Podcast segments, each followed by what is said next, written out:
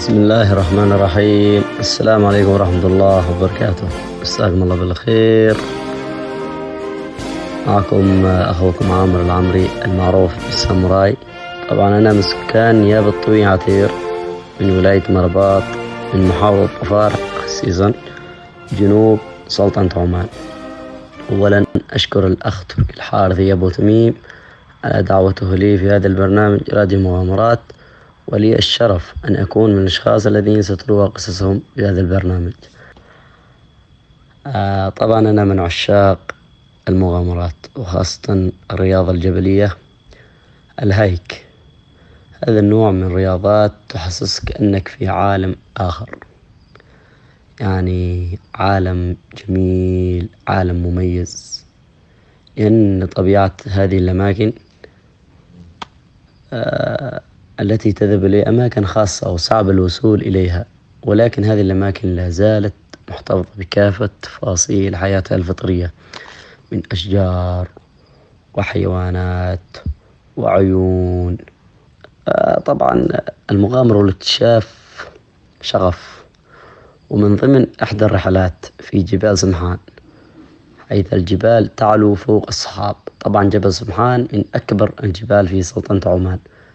وهو يعني من الجبال التي تتمتع تضاريسه بجمالية أخرى تختلف عن بقية جبال السلطنة. طبعا طول ارتفاعه يبلغ ألفين ومئة متر فوق سطح البحر وياما ذهبنا هناك كثير وكثير من المغامرات والرحلات الصعبة والمشوقة. جبل سمحان يرتفع فوق الصحاب يرتقي. عندما تصل إلى هذا الجبل تدخل في عالم آخر. أذكر في أحد المغامرات أو المرات ونحن في فصل الشتاء. وما أدراك ما فصل الشتاء وأنت في جبل سمحان يعني درجة الحرارة توصل مرات خمسة أربعة ثلاثة. وأحيانا أقل. برد وبرودة غير عادية. مرة من المرات اتجهنا ومشينا هذا في أحد المسارات وهو طلوعا من عين سيروخ طبعا اللهجة صعبة عليكم شوي لأنه نحن في جنوب السلطنة نتحدث لهجة أخرى وهي الجبالية غير اللغة الأم اللغة العربية. المهم يا طويلين الأعمار. أحد مشينا في أحد المرات وبعد مشي وصل ذاك اليوم ثلاثة وعشرين كيلو متر. أذكر. وصلنا لمكان التخييم وبالفعل رتبنا المكان وعملنا النار وطبخنا ورتبنا العشاء وتعشينا.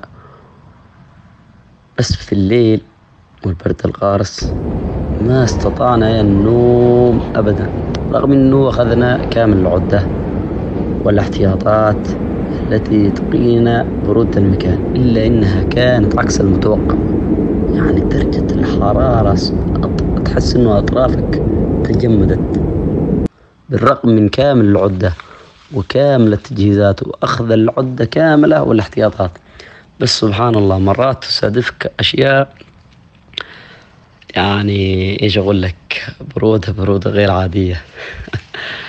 المهم قمنا لصلاة الفجر. طبعا النوم كان قليل جدا. وصلنا الفجر وعملنا الشاي. أوه يا سلام سلم. يعني برودة المكان والشاي والنار ومتعة يعني ومنظر برودة مع النار مع الجو صوت الطبيعة هدوء إلى أبعد يعني بعد صخب الضجيج والمدن والإزعاج والتطور والتحضر. هدوء طبيعي لا يمكن وصفه في قصة وكتابة المهم في اليوم الثاني وصلنا المسير إلى أحد الأودية في جبال سمحان وادي أرغان أو صلوف ونحن ماشيين إلا ونشوف الوعل النوبي. الله أكبر. على الطبيعة. قطيع كامل مار أمام عينك. يعني من المستحيل أنك ترى هذا المنظر في الأماكن العادية. فقط في هذه الأماكن. ليش؟ لأنها عالم آخر. يعني لو قلت لك عالم آخر بالفعل هي عالم آخر. يعني وترى الغزال العربي والوعل النوبي وأشياء يعني. المهم كملنا لين وصلنا للعيون والمناظر الخلابة. والله العيون والشلالات وأشياء كثيرة هناك. صعب أشرح هنا يعني. المهم بيتنا في الليلة الثانية. ومن يدخل منتصف الليل إحنا طبعا بيتنا ذيك اليوم على حافة الجبل. نسمع صوت النمر العربي. أوه أوه أوه. ذيك الليلة بينه وبينه ما يقارب مئة متر أتوقع إلا إذا كان أقل. هو يزعل سبحان من أعطاه الهيبة. يعني صوت النمر والليل والظلمة أعتقد أربع أشخاص. أذكر كنا أربع أشخاص. كنا مستعدين لأي شيء سبحان الله قد يحدث. يعني نمر عربي بينك وبينه مسافة قليلة جدا. ممكن إنه يهاجمك ممكن إنه يحدث لك شيء. بس الحمد لله مشى في طريقه وكملنا النوم ربك ستر يعني. بس كانت من أجمل اللحظات يعني. المهم يا طويلين الأعمار تعرفوا في الفترة الأخيرة محافظة طفار تعرضت لأعاصير هالسنتين الأخيرة. والأعاصير غيروا الطرق ومجاري الأودية وطبيعة المكان وشكل الطرق وغير الطبيعة بشكل عام. لذلك قد تتفاجأ وأنت ماشي في الطريق الطرق هذه الوعرة والصعبة وال يعني والشاقة. ربما الأعاصير تكون قد دمرت الطرق بشكل نهائي أو غيرت جيولوجية المكان. المهم أذكر مرة وإحنا نازلين في الجبل. تخيلوا المكان. نزلنا الجبل وصلنا في منتصف الجبل. يعني منتصف المسافة ونحن نازلين. طبعا مسافة نزول كنا نزول ذاك الوقت. إلا والطريق خلاص ولا شيء. ولا شيء. كأنه ما كان طريق. يعني صخور ومنحدرات وتزحلقات بشكل غير عادي. المهم نزلنا أربعة كيلو نزول حر. أربعة كيلو أربعة كيلو نزول. أدنى غلطة نروح فيها. يعني إذا شخص منا ما تسلق بشكل بشكل محترف أو سبحان الله يعني تعثر في الطريق وهو نازل. فربما تؤدي إلى إصابات بليغة وربما إلى الوفاة أحيانا. نحن حسبنا الطريق حسابنا ولما وصلنا في منتصف الجبل الطريق أصبح معدوم شبه معدوم. بس الواحد بحكم الخبرة يعرف يتصرف. لذلك يجب على الشخص اللي يمشي هذه الرياضات تكون عنده الكفاءة والخبرة. ويكون عنده أشخاص يعني من الطراز الرفيع.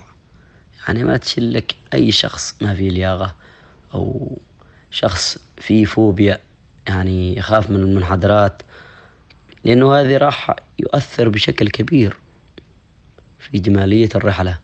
وأيضا ربما تتعرضوا لأشياء لا سمح الله إصابات أو فقدان الأرواح ونتمنى عدم ذلك. بس الحمد لله بحكم الخبرة وصلنا بأمان. في ختام القصة هناك نصائح أحب أن أوجهها للمحبين في هذه الرياضة. نصائح يجب على الواحد أن يأخذها بعين الاعتبار. يعني ما يكون مستهتر في هذه الرياضة. لأنها من الرياضات الشاقة والصعبة طبعا. طبعا أنت وأنت ماشي في المكان أولا عليك أن تكون على دراية ومعرفة بالطريق وبالطرق وتكون على معرفة وهو الأهم بمواقع العيون ومصادر الماء ليش؟ ربما أنت تحسب حسابك إنه الماء راح يكفينا يعني في الحقيبة شايل ما راح يكفيك يومين ثلاثة أربعة حسب المسافة بس تتعرض لأشياء خارج الإرادة ف الماء يعني ينفذ عليك الماء. تحتاج إلى ماء. ربما تحتاج إلى ماء إضافي.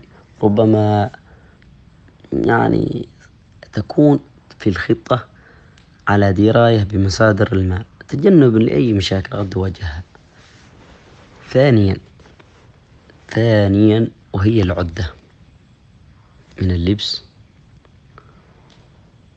والمصباح الليلي. وطبعا آه السليب باج اللي هو حقيبة النوم وأهم نقطة الإسعافات الأولية. وهذه النقطة كثير من الشباب مستهتر بهذا الجانب وهي الإسعافات الأولية. الحقيبة الصغيرة اللي يمكن أن تساهم في إنقاذ حياة إنسان.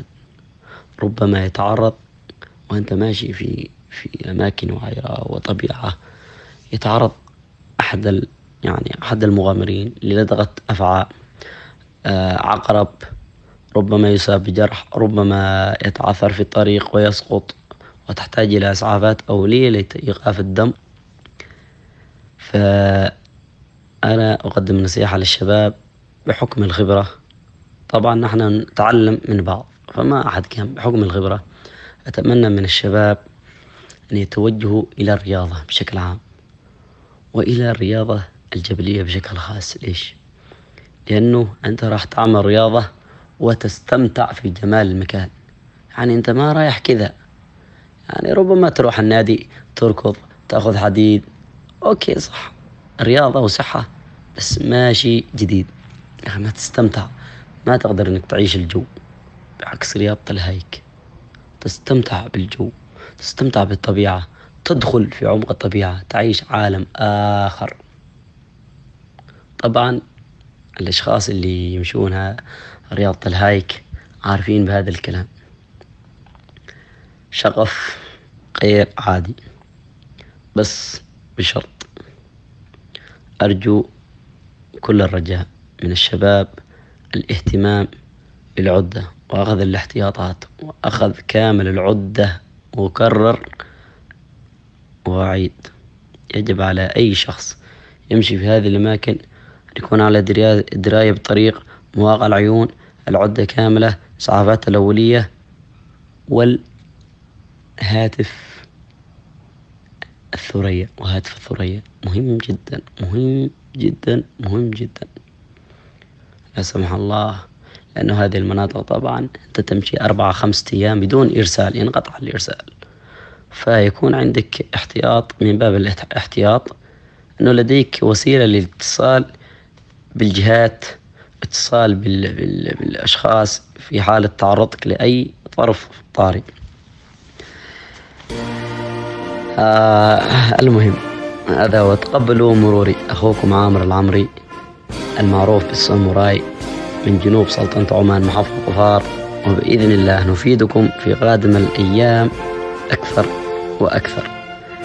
والسلام عليكم ورحمة الله وبركاته.